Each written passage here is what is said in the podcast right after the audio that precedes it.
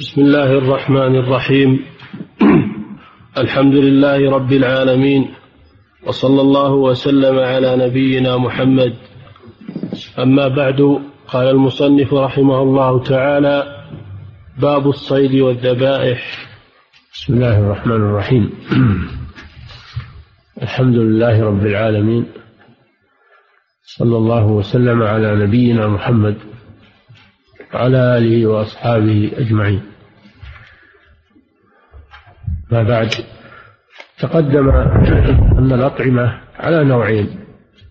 النوع الأول ما كان من الحبوب والثمار والخضروات. والنوع الثاني ما كان من اللحوم. واللحوم على قسمين لحوم حيوانات أهلية ولحوم حيوانات وحشية. فالحيوانات الأهلية تستعمل فيها الزكاة. تستعمل فيها الزكاة وهي ما تسمى بالذبائح جمع ذبيحة بمعنى مذبوحة. وأما الحيوانات الوحشية هذه هذه تدرك بالاصطياد تمكن منها بالاصطياد وهذا هو باب الصيد. فالصيد مصدر صاد يصيد صيدا بمعنى اقتنص الحيوان اقتنصه وصاده تصيده حتى تمكن منه.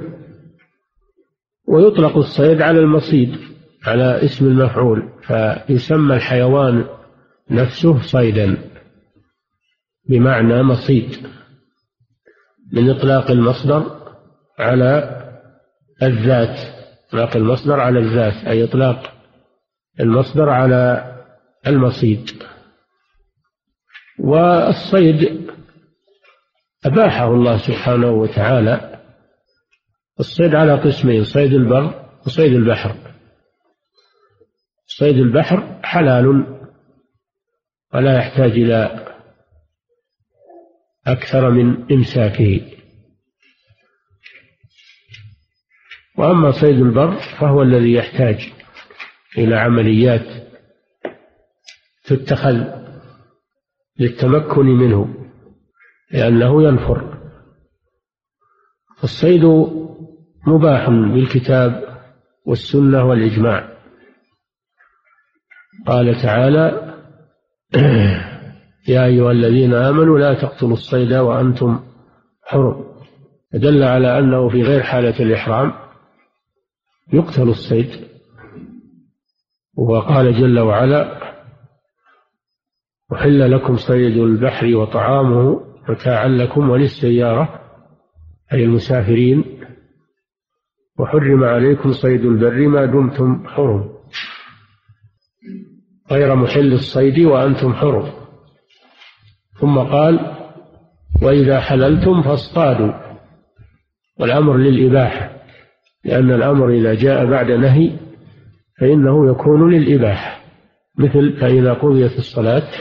انتشروا في الأرض وابتغوا من فضل الله. هذا أمر إباحة لأنه جاء بعد نهي. هذا من أدلة من أدلة الكتاب. إلا أنه يحرم في حالتين حالة الإحرام وحالة إذا كان في الحرم. الصيد البر لا يجوز قتله في حالتين حالة الإحرام إذا كان الإنسان محرما يا أيها الذين آمنوا لا تقتلوا الصيد وأنتم حرم. والحالة الثانية إذا كان الصيد في الحرم حرم مكة فإنه لا يحل لا للمحرم ولا لغير المحرم. قوله صلى الله عليه وسلم في الحرم لا ينفر صيده. هذا في الكتاب والسنة كما في أحاديث الباب. والإجماع أجمع العلماء على إباحة الصيد وأنه ذكروا أنه أفضل أنواع المكاسب لأنه ليس فيه ظلم لأحد ولا تعد على أحد فهو من أخذ المباح الذي ليس لأحد عليه تملك أو اختصاص. إلا أنه لا ينبغي للإنسان أن يسرف في الصيد وأن يمضي وقتا طويلا من وقته في الصيد لأن ذلك يشغله عن مصالحه وعما هو أهم. ولهذا جاء في الأثر أن من تبع الصيد لها فهو يلهي فلا ينبغي الإكثار من من الاصطياد وأن يكون هم الإنسان دائما في الصيد وإنما يكون على فترات حيث لا يفوت عليه مصالحه. نعم. عن أبي هريرة رضي الله عنه قال قال رسول الله صلى الله عليه وسلم من اتخذ كلبا إلا كلب ماشية أو صيد أو زرع انتقص من أجره كل يوم قراط متفق عليه. نعم. هذا فيه النهي عن اقتناء الكلاب لأنها نجسة ولأن ولأنها تؤذي تؤذي الناس وتوحشهم. ولأنها تمنع دخول الملائكة في البيت. لا تدخل الملائكة بيتا فيه كلب ولا صورة. ولما فيها من المضار الصحية كما ذكر الفقهاء ولأنها قد تلغ في الأواني. قد قال صلى الله عليه وسلم إذا ولغ الكلب في إناء أحدكم فليغسله سبعا ويعفره الثامنة بالتراب أو إحداهن بالتراب. الكلب نجس نجاسة عينية ومخالطته فيها ضرر. من ناحية النجاسة ومن ناحية الصحة أيضا. فلا يجوز اقتناؤه إلا في الأحوال التي استثناها النبي صلى الله عليه وسلم وهي أحوال ثلاث. الحالة الأولى أن يقتنيه من أجل الصيد. من أجل الاصطياد به. هذه الحالة يباح. الحالة الثانية أن يقتنيه لأجل الحراسة. حراسة الزرع. أو حراسة الماشية. يكون عنده زرع مزرعة يتخذ كلبا ليحرسها من الاعتداء عليها أو ماشية عنده غنم يخشى عليها من السباع أو من اللصوص يتخذ الكلب لحراستها.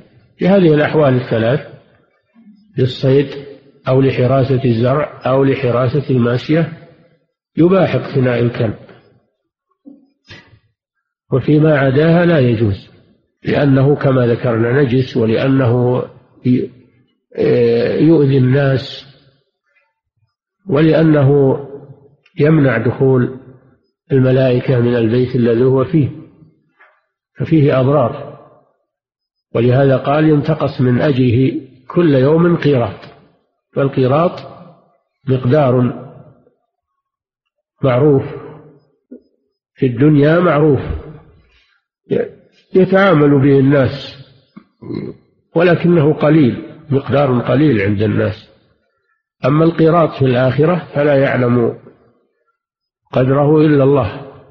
ولما قال صلى الله عليه وسلم من تبع من صلى على الجنازة فله قيراط من الأجر ومن تبعها فله قيراطان قيل وما القيراطان يا رسول الله؟ قال مثل الجبلين العظيمين. فقراريط الآخرة تختلف عن قراريط الدنيا. فإذا كان هذا الذي يقتني الكلب لغير هذه الثلاثة كل يوم ينقص أجره فهذا ضرر عظيم. هذا ضرر عظيم. وهو يدل على تحريم لأن نقصان الأجر من العقوبة. والعقوبة لا تكون إلا على شيء محرم. فدل على تحريم اقتناء الكلاب. لغير الثلاثة التي ذكرها النبي صلى الله عليه وسلم. فلا يجوز للمسلم أن يقتني الكلب لغير هذه الثلاثة المستثنات. والكفار يقتلون الكلاب هواية ليسوا بحاجة إليها وإنما من باب الهواية. لأنهم لا يبالون بالمضار الدينية ولا يبالون بشيء. فلا يجوز للمسلم أن يقلدهم لأن يعني بعض الناس يقلد الكفار يتخذ كلبا في في بيته ويصحبه معه في سيارته. هذا من تقليد الكفار التشبه بهم. مع ما فيه من الضرر الذي يلحق هذا المسلم من نقص أجره كل يوم. لا يجوز اقتناء الكلاب لغير هذه الأغراض الثلاثة ربما يلحق بها الكلاب البوليسية اليوم التي تتخذ للتعرف على أصحاب الجرائم لأنها جربت في هذا ويكون هذا من الحراسة يعني من يدخل في حراسة الزرع وحراسة الماء هذا هذا نوع من الحراسة. فلا بأس باقتناء الكلب المدرب لهذا الغرض. هو الغرض الجنائي. وأما لغير ذلك فلا يجوز اقتناء الكلاب وهو من عوائد الكفار. بعض المسلمين يقلدهم لأنه يعتبر ما عليه الكفار تقدما وحضارة يفعل مثل فعلهم. كما قال صلى الله عليه وسلم لتتبعن سنن من كان قبلكم حذو القذة بالقذة حتى لو دخلوا جحر ضب لدخلتموه. ومن ذلك استصحاب الكلاب واقتنائها مع ما فيه من الضرر والتحريم لكن لا يبالي لأن ما فعله الغرب عنده فهو الحضارة وهو التقدم. بل إن الكفار يوصون للكلاب بعد موتهم يوصي بماله للكلب. بعد موته وهذا من أسخف الرعونة والقبح ولا يبعد أن يوجد في المسلمين من يعمل ذلك. هذا من القبح المتناهي. أنه يجعل الكلب مثل أقاربه بل إنهم لا يورثون المال للأقارب وإنما يجعلونه للكلاب. هذا تقدم وحضارة. الله جعل مال الميت لأقاربه. أولو الأرحام بعضهم أولى ببعض. فجعل مال الميت لأقاربه ينفعهم ويؤجر هو على ذلك. أما أنه يجعل للكلاب فهذا لا يكون إلا من كلب مثل الكلاب. نعم. فالحديث هذا دليل على تحريم اقتناء الكلب. ثانيا يدل على إباحة اقتناء الكلب لهذه الأغراض الثلاثة. ثالثا يدل الحديث على نقصان أجر من اقتنى كلبا لا ليس للأغراض الثلاثة فإنه ينقص أجره. عند الله سبحانه وتعالى وهذه عقوبة. نعم. وعن عدي بن حاتم رضي الله عنه قال قال رسول الله صلى الله عليه وسلم إذا أرسلت كلبك فاذكر اسم الله عليه فإن أمسك عليك فأدركته حيا فاذبح وإن أدركته قد قتل ولم يأكل منه فكله. وإن وجدت مع كلبك كلبا غيره وقد قتل فلا تأكل فإنك لا تدري أيهم قتله. وإن رميت بسهمك فاذكر اسم الله تعالى فإن غاب عنك يوما فلم تجد فيه إلا أثر سهمك فكل إن شئت. وإن وجدته غريقا في الماء فلا تأكل متفق عليه. وهذا لفظ مسلم. نعم.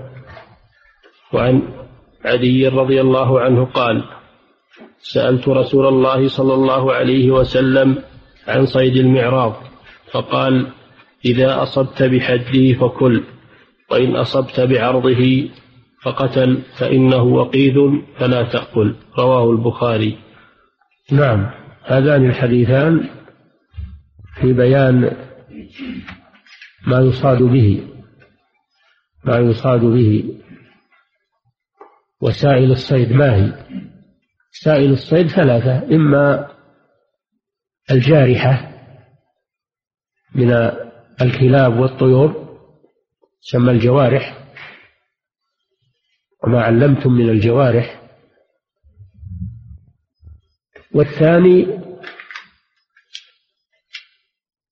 آه، السهام الرمي. الرمي بالسهام وغيرها مما يرمى. به ويصاب به الصيد. الثالث المعراض وهو العصا المحدد الذي في رأسه حديدة وحد يسمونها المعراض والمزراق فهذه وسائل وسائل الصيد. أما الوسيلة الأولى وهي الجارحة الله جل وعلا يقول يسألونك ماذا أحل لهم؟ قل أحل لكم الطيبات وما علمتم من الجوارح مكلبين تعلمونهن مما علمكم الله فكلوا مما أمسكن عليكم واذكروا اسم الله عليه. واتقوا الله إن الله سريع الحساب.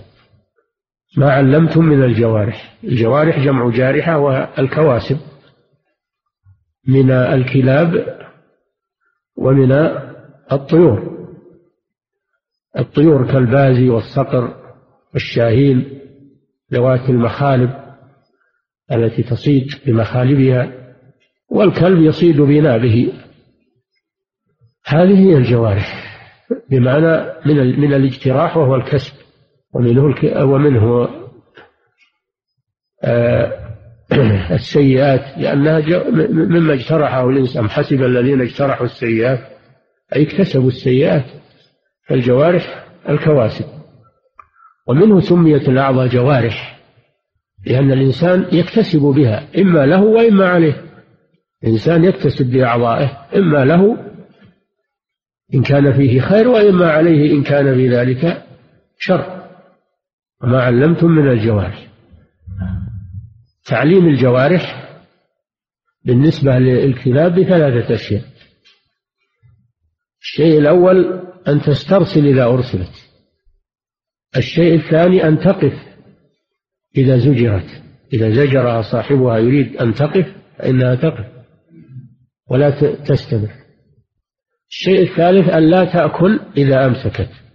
لأن الله يقول مما أمسكن عليكم أن يعني يمسكنه لكم. ما إذا أمسكت لنفسها لتأكله هي فلا يحل. هذه شروط تعليم الكلاب أن تسترسل إذا أرسلت وأن تقف إذا زجرت طلب منها الوقوف أن لا تأكل إذا صادت لهذا يكون الكلب معلما إذا توفرت فيه هذه الشروط. فإن نقص شرط منها فإنه لا يحل ما صاده ما قتله لا يحل ما قتله. وأما الطير فيحصل تعليمه بأمرين. يحصل تعليمه بأمرين أن يسترسل إذا أرسل وأن لا يأكل إذا صاد. لا يأكل إذا صاد. لأنه إذا لم يأكل فهذا دليل على أنه معلم وأنه يمسك لصاحبه ولا يمسك لنفسه. الله جل وعلا يقول مما فكلوا مما أمسكنا عليكم. والرسول صلى الله عليه وسلم يقول فإن أكل فلا تأكل. لأنه إنما صاد إنما أمسك لنفسه. وفي هذا الحديث أنه يحل صيد الجوارح صيد الجوارح إذا أم إذا أمسكت الصيد فله حالتان. الحالة الأولى أن يدرك وهو حي أن يدرك الصيد وهو حي. فهذا لا يحل إلا بذكاته. لا بد أن يذكى لأنه تمكن منه وهو حي. والحيوان المتمكن منه لا يحل إلا بذكاة الحالة الثانية أن يدركه وهو ميت أن يدركه صاحبه وهو ميت. في هذه الحالة يحل بأربعة شروط. الشرط الأول أن يذكر اسم الله على الشرط الأول أن يكون معلما أن يكون معلما. يكون الجارح معلما فإن كان ساذجا فإنه لا يحل. الله جل وعلا يقول وما علمتم إلى الجوارح. فإذا كان الكلب أو الطير غير معلم وصاد صيدا ومات قبل أن يتمكن منه الإنسان فإنه لا يحل لأن هذا الجارح غير معلم. هذا الشرط الأول. الشرط الثاني أن يذكر اسم الله عليه عند الإرسال. فكلوا مما أمسكنا عليكم واذكروا اسم الله عليه. يعني يقول عند إرسال الجارح بسم الله فإن لم يسمي عند إرساله فإنه لا يحل فإنه لا يحل الصيد.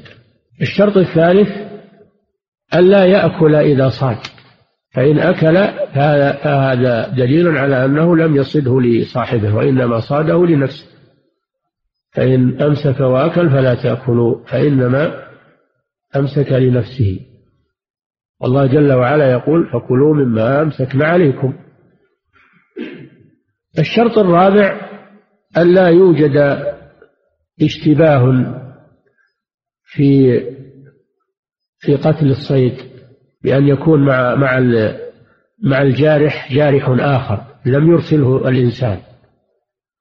فإذا وجد الصيد مقتولا وعنده جارحه وعنده جارح إنسان آخر أو حيوان آخر فلا يأكل لأنه يحتمل أنه من صيد جارحه ويحتمل أنه من صيد جارح غيره فلا يحل تغليبا لجانب الحظر تغليبا لجانب الحظر. وكذلك لو صاد لو صاده الجارح وهذا يأتي هذا يأتي في السهم نعم هذا يأتي في السهم. هذه شروط أربعة. الأول أن يكون معلما الثاني أن يذكر اسم الله عند إرساله الثالث أن لا يأكل الجارح من من المصيد الرابع أن لا يكون فيه احتمال أنه مات بغير إصابة جارحه. فإن كان فيه احتمال فإنه لا يحل تغليبا لجانب الحظر. إذا اجتمع, إذا اجتمع حاضر ومبيح فإنه يغلب جانب الحظر احتياطا. أعد الحديث. وعن عدي بن حاتم رضي الله عنه قال قال رسول الله صلى الله عليه وسلم إذا أرسلت كلبك فاذكر اسم الله عليه. هذا شرط. نعم. فإن أمسك عليك فأدركته حيا فاذبح. نعم. هذا لا بد منه. إذا أدرك وهو حي. حياة مستقرة فلا بد أن يذبحها. أما لو أدركه وهو حي حياة يسيرة غير مستقرة فإنه يحل. لأن هذه ما تعتبر حياة إنما هي حياة مذبوح حركة مذبوح. نعم. وإن أدركته قد قتل ولم يأكل منه فكله هذا شرط. نعم. وإن وجدت مع وإن وجدت مع كلبك كلبا كلبا غيره وقد قتل فلا تأكل. فلا تأكل. هذا للاحتمال.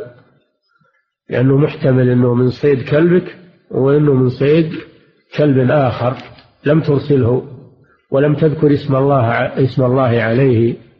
فلا تأكل. تغليبا لجانب الحظر. نعم.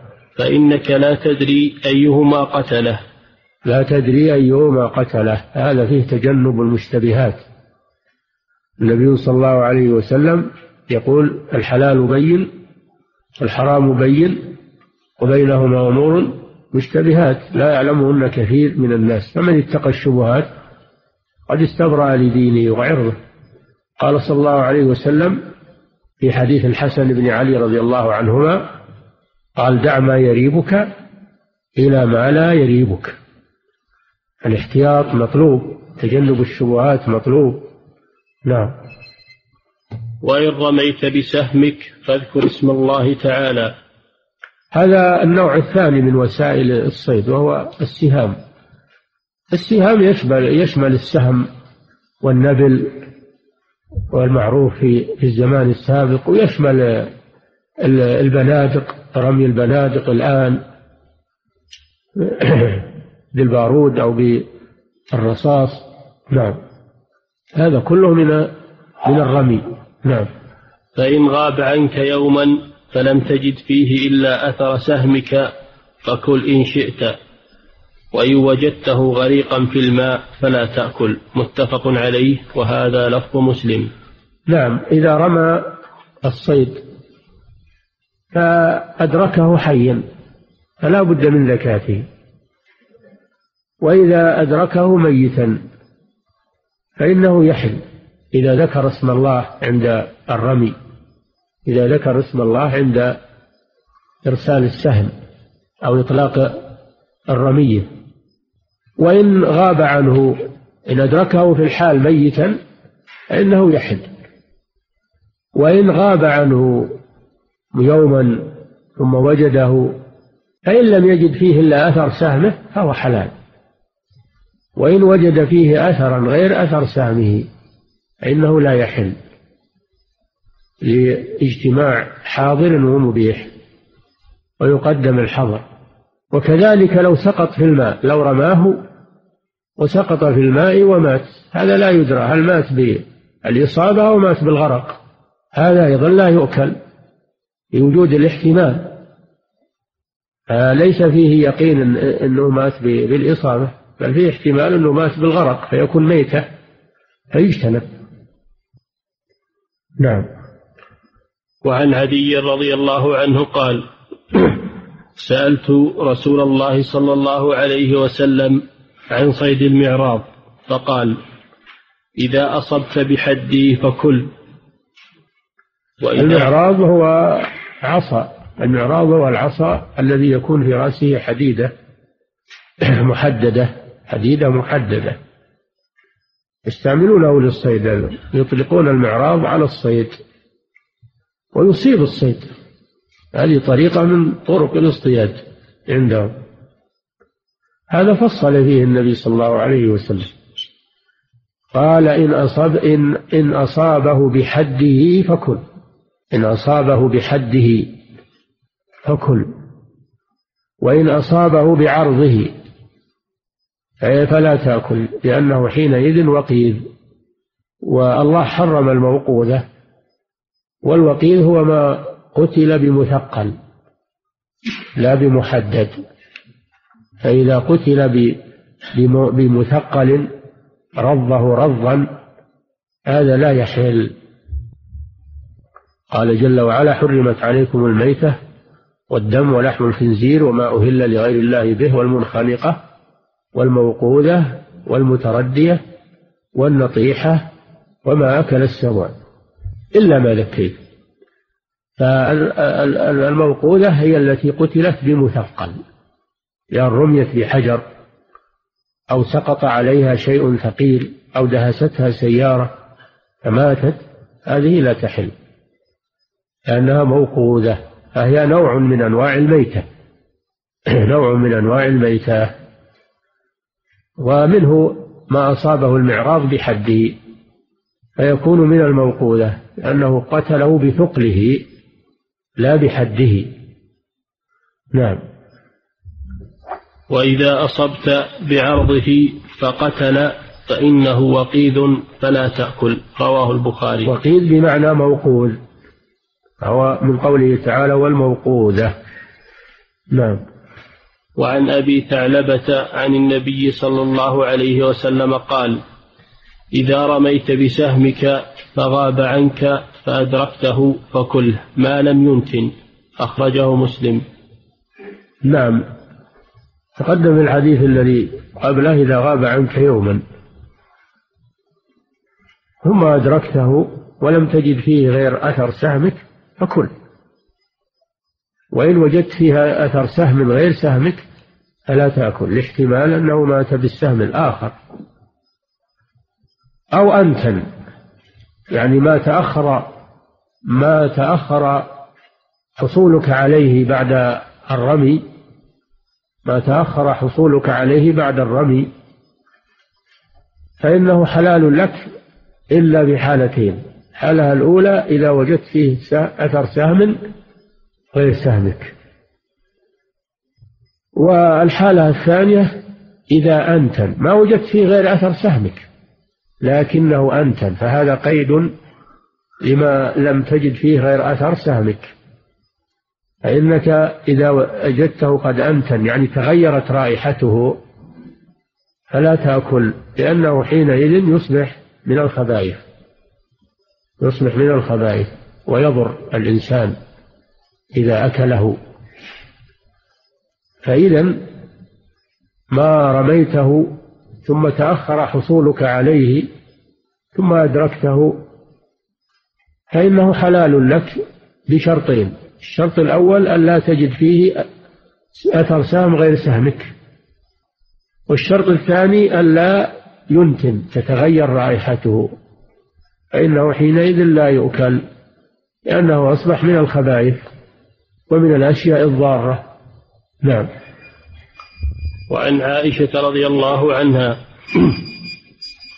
أن قوما قالوا للنبي صلى الله عليه وسلم إن قوما يأتوننا باللحم لا ندري أذكر اسم الله عليه أم لا فقال سموا الله عليه أنتم وكلوه.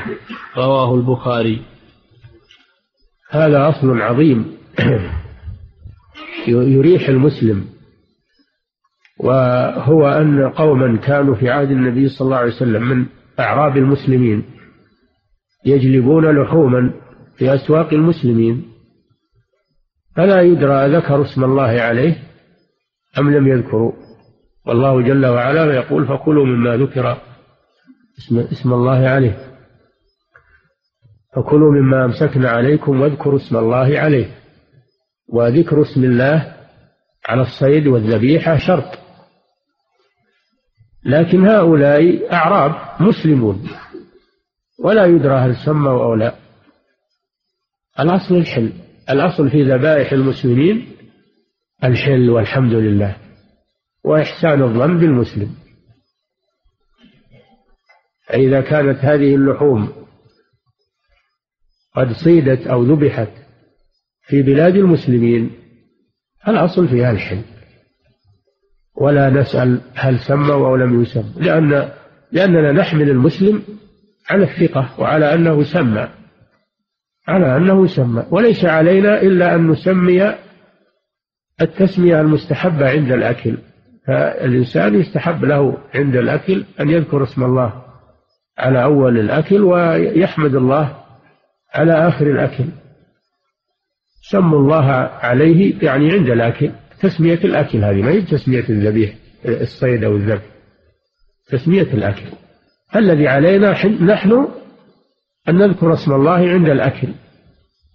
وأما التسمية على الذبح أو الصيد فهذه من شأن الذي صاد أو ذبح ما هو من شأننا. والأصل في المسلم العدالة والثقة فلا نتشكك في ذبائح المسلمين أو ما صاده المسلمون لا نتشكك في هذا. فهذا يريح المسلم من الأوهام والشكوك الكثيرة التي تعتري بعض الناس. نعم. وعن عبد الله بن مغفل رضي الله عنه أن رسول الله صلى الله عليه وسلم نهى عن الخذف وقال إنها لا تصيد صيدا ولا تنكأ عدوا ولكنها تكسر السن وتفقع العين. متفق عليه واللفظ لمسلم. الخلف هو الرمي بالأشياء الصغيرة الحجارة الصغيرة. هو الرمي بالحجارة الصغيرة من بين الأصابع. يجعل الحصاة الصغيرة بين أصابعه ثم يرميها. ثم يرميها. هذا نهى عنه الرسول صلى الله عليه وسلم لأنه ضرر لأنه ضرر على الناس أن يكسر السنة ويفقع العين فيه ضرر. وليس فيه مصلحة لا يقتل صيدا. لو أصاب الصيد ما قتله. إذا ليس فيه مصلحة وإنما هو مضرة. فينهى عن الخذف وهو الرمي رمي الحجارة الصغيرة بأطراف الأصابع لأنه ضرر وليس فيه مصلحة.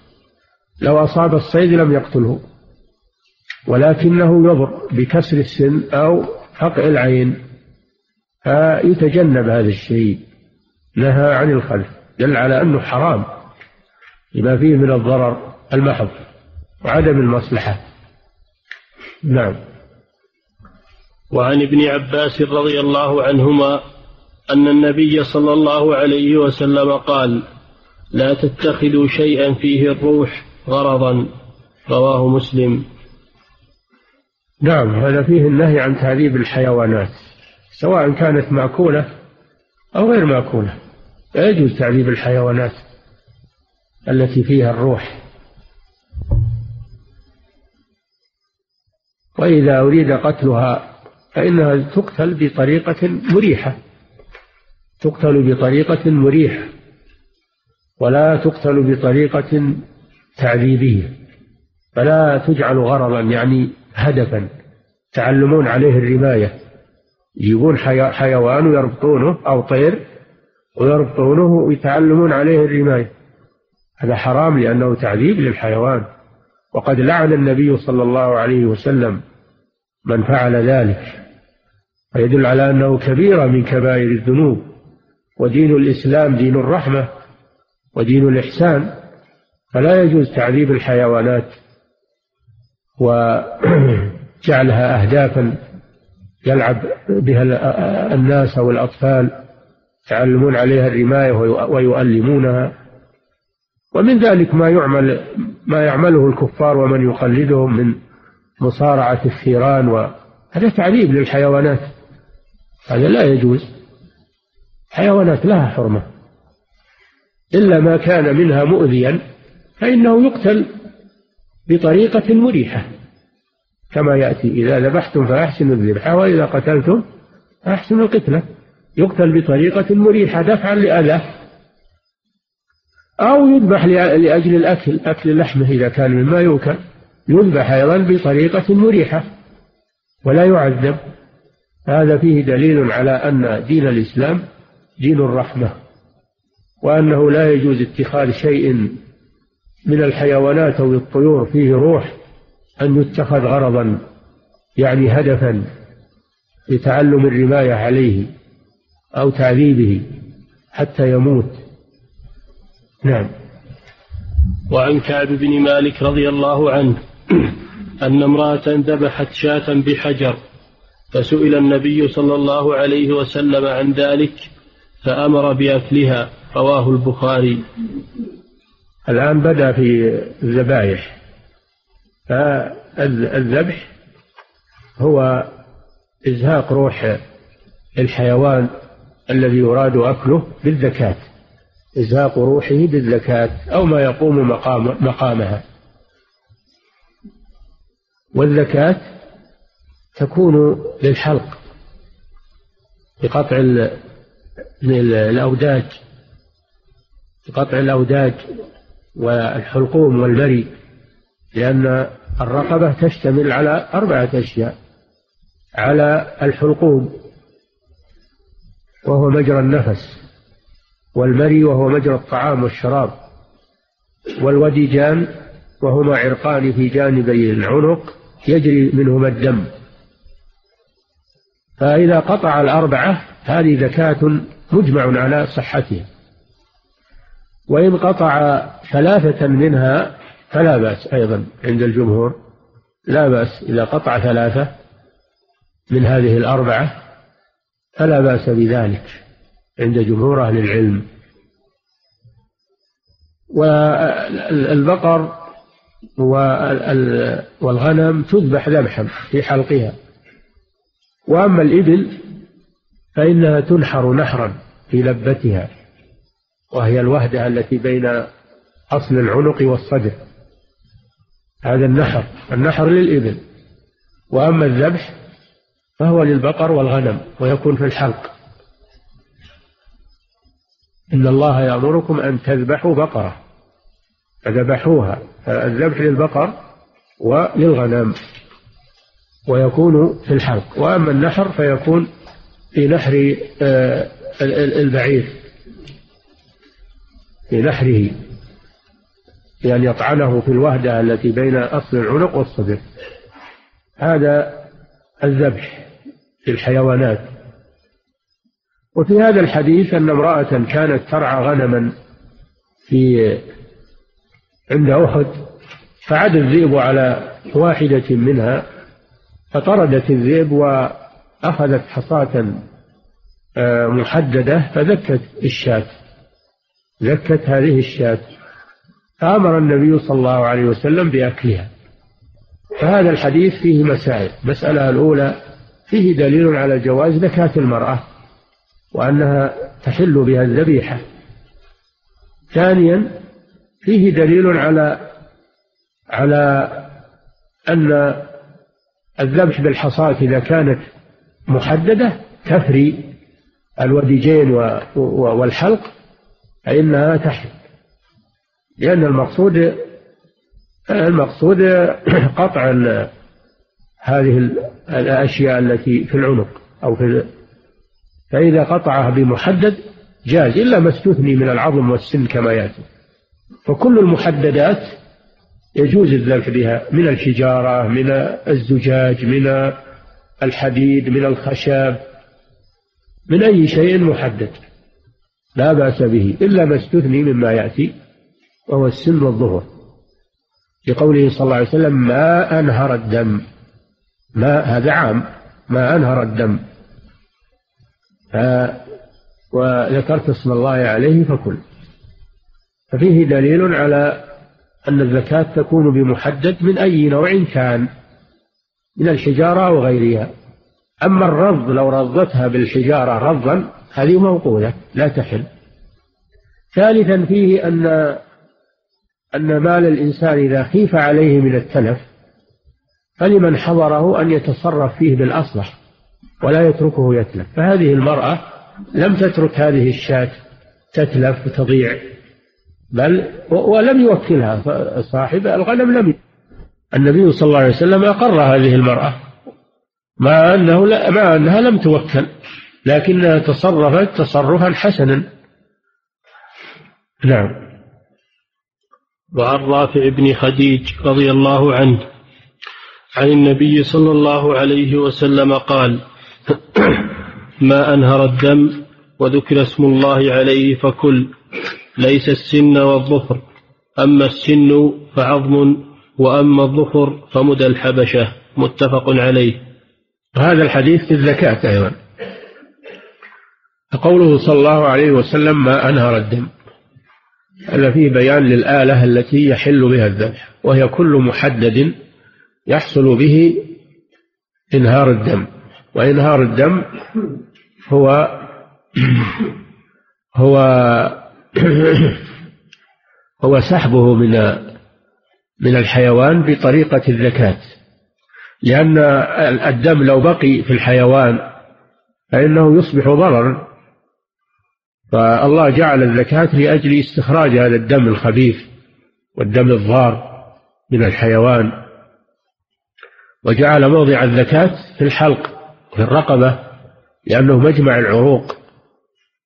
وإذا ذبح من هذا المكان فرغ كل ما فيه من دم وأصبح الحيوان خاليا من الدم الذي يضر هذه هي الحكمة هذه هي الحكمة في الزكاة. أنها لأجل إنهار الدم أي إسالة. الإنهار معناه إسالة الدم بقوة دفق بقوة. الحيوان أنتم تشوفون إذا إذا ذكي فإنه يدفق منه الحيوان بقوة. هذا إنهار الدم سيلان الدم بقوة. ويكون بأي آلة حادة. لم يحدد الرسول صلى الله عليه وسلم لا حديدة ولا حصاة ولا عص ولا خشب ولا آه، حجر ولا أي شيء. كل شيء حاد يصح الزكاة به. ما عدا شيئين السن وظهر السن والظهر. ثم بين صلى الله عليه وسلم العلة في منع الذبح بالسن وإن كان السن محددا والظفر وإن كان محددا أي ظفر كان ظفر حيوان ظفر إنسان وإن كان محددا لا يحل الذبح به لأن السن لأن السن عظم ولا يجوز الذبح بالعظام ولو كان محددا. هذا يعم جميع العظام التعليل يدل على أنه لا تحل الزكاة بجميع العظام. العظام ممنوع الزكاة بها. كما أنه ممنوع للاستجمار بها كما سبق في كتاب الطهارة. فلا يذبح بالعظم ولو كان حادا. والثاني السن لأنه مدى السكاكين مدى يعني سكاكين الحبشة. والحبشة شعب معروف في أفريقيا وهم نصارى وثنيون. ولا يجوز التشبه بالكفار. فمن ذكى بالظهر فقد تشبه بالكفار. وقد حرم الله علينا أن نتشبه بالكفار. فإذا يشترط في الزكاة هذه الشروط. أولا إنهار الدم وهي إسالته بقوة. وثانيا أن أن أن يكون بمحدد أن تكون إسالة الدم بمحدد غير آه ثالثا أن يكون ذلك بغير السن والظهر. ولو كانت ولو كان السن والظهر محددين فلا يجوز الزكاة بهما لأن النبي صلى الله عليه وسلم ورابعا ذكر اسم الله على الذبيحة. ذكر اسم الله على الذبيحة بأن يقول عند تحريك يده للذبح بسم الله. لا يقول الرحمن الرحيم وإنما يقول بسم الله فقط. ويكبر أيضا يقول بسم الله والله أكبر. آه، لقوله تعالى فاذكروا اسم الله عليه. اذكروا اسم الله عليه ولا تأكلوا مما لم يذكر اسم الله عليه. فعند تحريك يده بالذبح يقول بسم الله ولا يقول الرحمن الرحيم لأن هذا ليس موضع رحمة وإنما هو موضع زكاة. نعم. فالإتيان ببسم الله هذا شرط وأما الإتيان بالتكبير فهذا سنة وليس شرطا. نعم. وعن جابر بن عبد الله رضي الله عنهما قال هذا الحديث. وعن رافع بن خديج رضي الله عنه عن النبي صلى الله عليه وسلم قال ما أنهر الدم وذكر اسم الله عليه فكل. ليس إيه، السن ما أنهر الدم هذا شرط فإن بقي الدم في, في, في الحيوان فإنه لا يحل. هذا شرط. ويدل كما ذكرنا على أنه لا يشترط نوع معين من ما ينهر الدم بل كل محدد يجوز الذبح به. ويستثنى من ذلك من المحددات العظم مهما كان والسن مهما كان. سن إنسان سن حيوان ظفر إنسان ظفر حيوان ما يجوز الذبح به. نعم. وذكر اسم الله عليه فكل. هذا شرط ثالث. الشرط الأول إنهار الدم الشرط الثاني ذكر اسم الله. الشرط الثالث أن لا يكون أن لا تكون الآلة سنا أو عظما آه, آه، سنا أو ظهرا نعم. ليس السن والظفر. نعم. أي إلا السن ليس السن معناه إلا السن هذا استثناء. نعم. أما السن فعظم وأما هذه العلة في المنع من الزكاة بالسن لأنه عظم. أدل على تحريم الزكاة بجميع العظام. نعم. وأما الظفر فمدى الحبشة متفق عليه. نعم. وفيه أن أن العالم إذا منع من شيء فإنه يذكر الحكمة. ويذكر العلة لأجل أن أن يطمئن الإنسان ويقتنع. فالرسول ذكر العلة لما منع من السن والظهر ذكر العلة في ذلك. نعم. وعن جابر بن عبد الله رضي الله عنهما قال نهى رسول الله صلى الله عليه وسلم أن يقتل شيء من الدواب صبرا رواه مسلم. نعم هذا مثل الحديث السابق نهى أن يتخذ شيء من الحيوانات غرضا والصبر معناه الحبس فلا يحبس الحيوان ثم ثم يقتل بطريقة بطريقة معذبة كأن يطعن ثم يكرر عليه الطعن أو يكرر عليه الرمي حتى يموت أو يرجم بالحجارة حتى يموت. هذا كله تعذيب ولا يجوز. لا يحبس الحيوان ثم يذبح بطريقة بطيئة طريقة تعذيبية بل ينجز ويجهز عليه ويراح نعم. قال أعد الحديث. وعن جابر وعن جابر رضي الله عنهما قال نهى رسول الله صلى الله عليه وسلم أن يقتل شيء من الدواب صبرا رواه مسلم. يعني يحبس ويقتل قتلا بطيئا. بما في ذلك من التعذيب.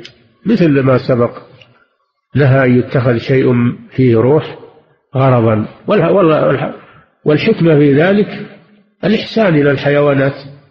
حتى المؤذية منها كالسباع والذئاب المؤذية منها ما تعذب وإنما تقتل بطريقة مريحة ويجهز عليها. ولا تحبس وتمنع من من الطعام والشراب حتى تموت. فقد دخلت امرأة للنار في هرة حبستها فلا هي أطعمتها ولا هي تركتها تأكل من خشاش الأرض. لا يجوز تعذيب الحيوانات وقتلها بطريقة تعذيبية وإنما يجهز عليها. نعم. وعن شداد بن أوس قال قال رسول الله صلى الله عليه وسلم إن الله كتب الإحسان على كل شيء فإذا قتلتم فأحسنوا القتلة وإذا ذبحتم فأحسنوا الذبحة وليحد أحدكم شفرته وليرح ذبيحته رواه مسلم. وهذا مثل ما سبق في حديث النهي عن اتخاذ عن قتل الحيوان صبرا لأن هذا من التعذيب. والواجب أن يقتل أن يذبح الحيوان بطريقة سريعة مريحة. وأن يقتل الإنسان إذا كان مستحقا للقتل قصاصا أو حدا أو غير ذلك. إذا استوجب قتله فلا يعذب وإنما يقتل بطريقة مجهزة. إن الله كتب الإحسان على كل شيء. والإحسان ضد الإساءة. الإحسان هو بذل هو بذل ما ينفع الناس وما ينفع الحيوانات بذل النفع للناس. ومن النفع إراحة المقتول وإراحة الحيوان المذبوح هذا من الإحسان. كتب الإحسان على كل شيء على الدواب وعلى على على بني آدم. فمن استحق قتله من بني آدم فإنه تحسن قتلته. إذا قتلتم فأحسنوا القتلة لأن يقتل بطريقة مجهزة ولا يعذب. وإذا ذبحتم الحيوان سواء ذبح لأكله أو أو دفعا لأذاه فليذبح بطريقة مريحة. ثم قال صلى الله عليه وسلم وليحد أحدكم شفرته أي السكين ولا يذبح بآلة كالة لأن هذا من التعذيب للحيوان. بل يذبح بآلة حادة يحدها ويتفقدها. قبل أنه يبدأ بالقتل أو أو بالذبح. فإذا كانت الآلة صالحة هل يستعملها؟ وإن كانت الآلة غير صالحة فإنه يصلحها أو يستبدلها بغيرها. وليحد أحدكم شفرته يعني سكينة وليرح ذبيحته ما يقتلها بطريقة تعذيبية. وإنما يتبع أحسن ما يكون من طرق الذبح والزكاة. فهذا فيه أن هذا أن هذا الدين دين الرحمة ودين الإحسان. وأمر صلى الله عليه وسلم بحد الشفار وأن توارى توارى عن البهائم ما تشد الشفرة والحيوان ينظر إليك لأن الحيوان عنده إدراك. ولذلك الحيوان لا يقدم على الخطر أنه يخاف من الموت. عنده إدراك. إذا شاف الشفرة فإنه يكون عنده إحساس ويتعذب بذلك. فعليك أن أن تواريه عن أن تواريها عنه ولا يراها. هذا من الإحسان إليه. نهى أن أمر أن تحد الشفار وأن توارى عن البهائم. ونهى عن قتل الحيوان والحيوان الآخر ينظر إليه. ما في ذلك من تعريفه فلا تجي عند غنم وتذبح فيها وهي تنظر إليه. خذ اللي تريد ذبحه واذبحه في مكان غائب عن الحيوانات. الحيوانات مثل بني آدم عندها إدراك وتخاف من الموت ولها روح. فلا تعذبها بهذه المشاهد المفزعة. عليك بالرحمة وعليك بالإحسان. ولا تقول هذه تبي تذبح كل واحد. نعم هي تذبح لكن أحسن ذبحها. ولا تذبحها بطريقة تعذبها. ورأى النبي صلى الله عليه وسلم رجلا يجر شاة يريد أن يذبحها وهي تنظر يحد الشفرة وهي تنظر إليه. قال أتريد أن أن تذبحها مرتين؟ أو كما قال صلى الله عليه وسلم. نعم. وعن أبي سعيد الخدري رضي الله عنه قال قال صلى الله عليه وسلم ذكاة الجنين ذكاة أمه. رواه أحمد وصححه ابن حبان. إذا إذا ذبح الحيوان إذا ذكي الحيوان من الإبل أو البقر أو الغنم وفيه جنين حي فيه جنين نفخت فيه الروح فإنه زكاة أمه زكاة له فيؤكل ولا يحتاج الجنين إلى زكاة يؤكل لأن زكاة أمه تكفي عن تذكيته هذا معنى قوله صلى الله عليه وسلم زكاة الجنين وهو الحمل الذي في البطن زكاة أمه. فإذا وجد ميتا إذا وجد ميتا بعد ما ذبحت أمه فهو حلال. وإن أخرج من بطن أمه وهو حي فإنه يزكى. نعم.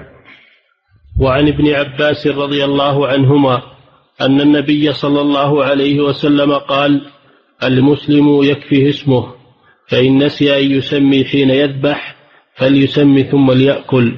أخرجه الدار قطني وفيه راو في حفظه ضعف وفي إسناده محمد بن يزيد بن سنان وهو صديق وهو صدوق ضعيف الحفظ. وأخرجه عبد الرزاق بإسناد صحيح إلى ابن عباس موقوفا عليه وله شاهد عند أبي داود في مراسيله بلفظ ذبيحة المسلم حلال ذكر اسم الله عليها أم لم يذكر ورجاله موثوقون. من شروط الزكاة التسمية على الذبيحة عند تحريك يده بالذبح. عند إجراء السكين على حلقها. يقول بسم الله. قوله تعالى فكلوا مما ذكر اسم الله عليه إن كنتم بآياته مؤمنين. إلى قوله جل وعلا ولا تأكلوا مما لم يذكر اسم الله عليه. دل على أن التسمية شرط لحل الذبيحة. لكن لو تركها نسيانا لو تركها نسيانا فذبيحته حلال. لأنه لم يتعمد. النبي صلى الله عليه وسلم يقول عفي لأمتي عن الخطأ والنسيان وما استكرهوا عليه. فإذا تركها نسيانا فإنها تحل. أما إن تركها عمدا هذا على الخلاف بين العلماء الذين يشترطون التسمية لا تحل الذبيحة عندهم والذين يقولون إن التسمية سنة وليست واجبة تحل عندهم وهم جمع من العلماء. والراجح والله أعلم أنها لا تحل. إذا تركها متعمدا فإنها لا تحل. هذا هو الراجح. والله تعالى أعلم. وصلى الله وسلم على نبينا محمد على آله وصحبه. نعم. فضيلة الشيخ عند تذكية الذبيحة هل يفصل الرأس مباشرة أو يترك قليلا بعد قطع الحلق حتى يخرج الدم؟ لا يكره أنه يفصل الرأس والحيوان فيه حياة أن هذا زيادة تعذيب له بل يتركه حتى يموت فإذا مات فإنه يفصل رأسه. نعم. ولهذا يقولون يكره قطع رأسها قبل أن تبرد يعني قبل أن تموت. نعم. فضيلة الشيخ ما هي السنة في التسمية عند الأكل؟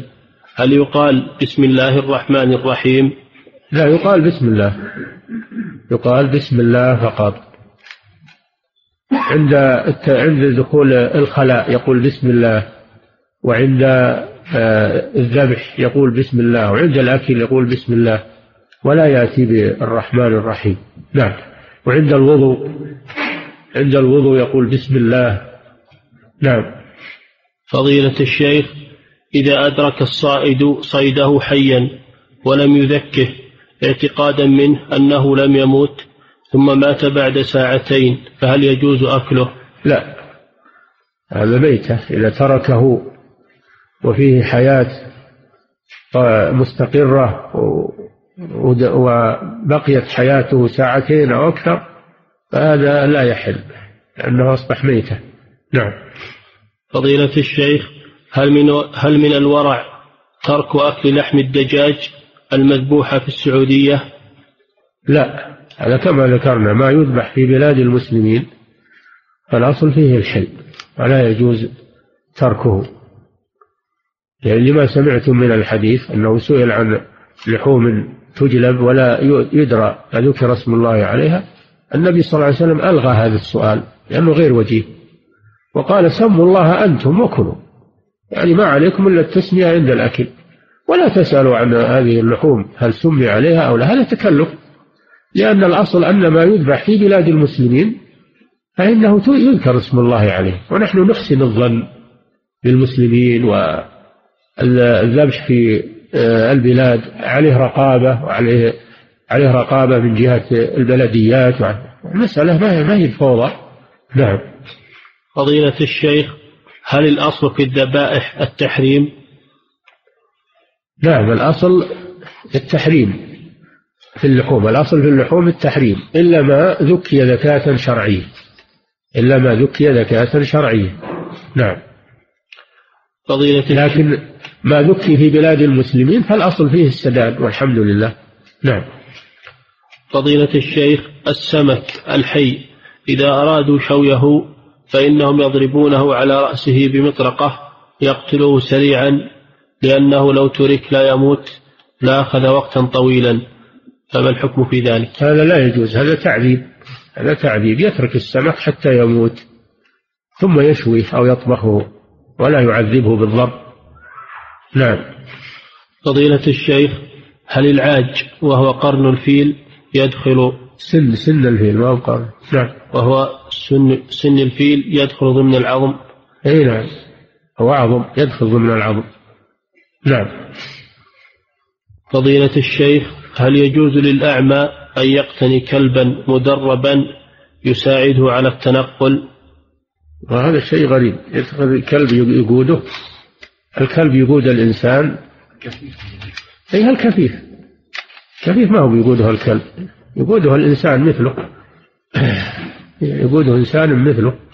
قائد مثل مثله. لا يتخذ الكلب. ليس هذا من الأمور المستثناة التي استثناها الرسول صلى الله عليه وسلم. نعم. فضيلة الشيخ هل يعارض حديث شداد آية الرجم؟ لا. ما يعارض لأن الرجم حد ولا بد من تطبيقه ولله حكمة في ذلك. وهذا من مصلحة المرجوم لأنه يكفر عنه يكفر عنه هذه الجريمة ويطهره يطهره بها. فهذا من رحمة الله سبحانه وتعالى. أولا فيه ردع للناس عن هذه الجريمة وثانيا فيه مصلحة للمرجوم فيه وإن كان فيه تعذيب له لكن هو من مصلحته لأنه يطهره من هذا الذنب. عذاب الدنيا أهون من عذاب الآخرة. نعم. فضيلة الشيخ إذا أمسك الصيد وقطع يده ثم هرب وأدركه وأمسكه حيا فما حكم ما قطع منه؟ تابع له. إذا أدركه ميتا أو حيا وذكاه فما قطع منه تابع له يحل أما لو قطع وبقي حيا ولم يمت ولم يذكى فلا يحل ما ما قطع منه. قوله صلى الله عليه وسلم ما أبين من حي فهو كميتته. نعم. فضيلة الشيخ هل يجوز هذا يسمونه الطريدة هذا يستثنى الطريدة وهي الصيد الذي قطع منه جزئية ثم أدرك وأمسك ومات بالصيد أو قتل فهذا حلال. ما قطع منه فهو حلال. تابع له. أما إذا راح ولا يدرى هو مات ولا ما مات فهذا لا يحل. نعم. فضيلة الشيخ هل يجوز قتل الذئاب بالسم؟ إذا كانت تجهز عليها فلا بأس. إذا كانت تجهز عليها فلا بأس. أما إذا كانت لا تجهز عليها وإنما تبقى معذبة هذا لا يجوز. نعم. فضيلة الشيخ ذبحت طيرا بعدما رميته برصاصة ثم سحبت رقبته إلى الخارج بيدي فهل هو حلال؟ إن كانت حياته حياة غير مستقرة وهو في حركة المذبوح هذا حلال. أما إذا كانت لا في بقية حياة مستقرة ولو ترك لعاش جريحا فسحبك لرقبته هذا لا لا يجوز وهو ميتة. يعني هذه ليست بذكاة هذا ليس بذكاة نعم. فضيلة الشيخ ما حكم قتل الفئران تغريقا بالماء؟ المهم إراحة المقتول. إذا كان في تغريقها بالماء تعذيب لها فلا يجوز. أما إذا كانت تموت في الحال فلا بأس. نعم. فضيلة الشيخ أين يبيت الكلب الخاص بالصيد أو الحراسة؟ إذا لم يكن بالبيت مكان خاص به. صاحبه أدرى بالمكان اللي يناسبه يتخذ له مكان خليه يبيت فيه. ما هو مشكلة إن شاء الله. نعم. فضيلة الشيخ ما حكم شرب الشراب الذي فيه زعفران للمرأة المحادة؟ تجنبوا لأن الزعفران نوع من من الطيب. فالمحدة تجتنب شرب الزعفران والمحرم يجتنب شرب الزعفران لأنه نوع من الطيب. نعم. والزعفران يقولون ما فيه مصلحة. الزعفران ذكروا أنه من أنواع المخدرات. يضر ما فيه مصلحة. نعم. فضيلة الشيخ متى تقال اللهم أعني على ذكرك وشكرك اللهم أعني على ذكرك وشكرك وحسن عبادتك؟ تقال في آخر التشهد الأخير قبل السلام وتقال بعد السلام. يجوز هذا وهذا كله يصدق عليه دبر الصلاة. نعم.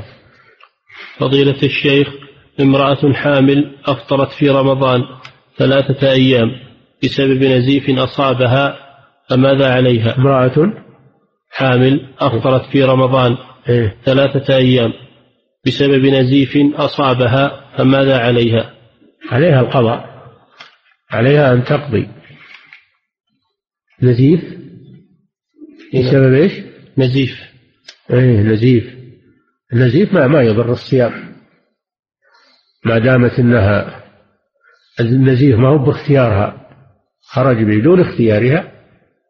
هذا لا حرج ولا يضر الصيام. إنما الذي يبطل الصيام الحجامة والسحب. سحب الدم الكثير. هذا يبطل الصيام. أما النزيف من الجرح أو من أو من آه، أو من آه، الفرج من العرق الداخلي هذا لا يضر الصيام. نعم. يقول لنا حامل يا شيخ. حامل ما دام الحمل موجود فيها فلا يضر. ما يضر. النزيف والحمل موجود وباقي هذا ما يضر. ولا يعتبر من النفاس ولا من الحيض. نعم. فضيلة الشيخ يوجد في منزلي جرائد وصحف وصحف. عليها صور لأشخاص فهل تمنع وكذلك عرائس للأطفال من القماش فهل هذه تمنع دخول الملائكة؟ لا خير في استصحاب الصور. فإذا فإذا مالك فيها حاجة فأخرجها من بيتك وإن كانت تمتهن وتداس ويجلس عليها فلا حكم لها.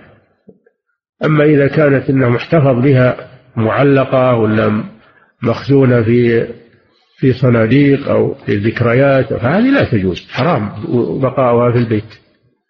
أما إذا كانت ممتهنة هذه لا حكم لها. إذا كانت تداس ويجلس عليها أو صحف ملقاة ما لها قيمة هذه مهانة لا قيمة لها. ولكن إخلاء البيت منها لا شك أنه أحسن. نعم. فضيلة الشيخ إذا صلى الإنسان في مسجده ثم ذهب إلى مسجد آخر ووجدهم يصلون وأدرك معهم ركعتين فهل يجوز له أن يسلم معهم من أجل من أجل الصلاة على الجنازة؟ إذا إذا ما حضر الإقامة فلا يدخل معهم. إذا ما حضر الإقامة فلا يدخل معهم. إنما يدخل معهم لو حضر الإقامة. ولا يجلس والصلاة تقام ولا يصلي. يصلي معهم وتكون له نافلة كما أمر النبي صلى الله عليه وسلم. أما إذا جاء وهم يصلون فإنه يجلس لا بأس. نعم. فضيلة الشيخ من أنجاه الله من كرب أو حادث هل يشرع له أن يصوم ذلك اليوم من كل عام كموسى عليه السلام؟ لا. هذا يكون بدعة. إذا التزم صيام هذا اليوم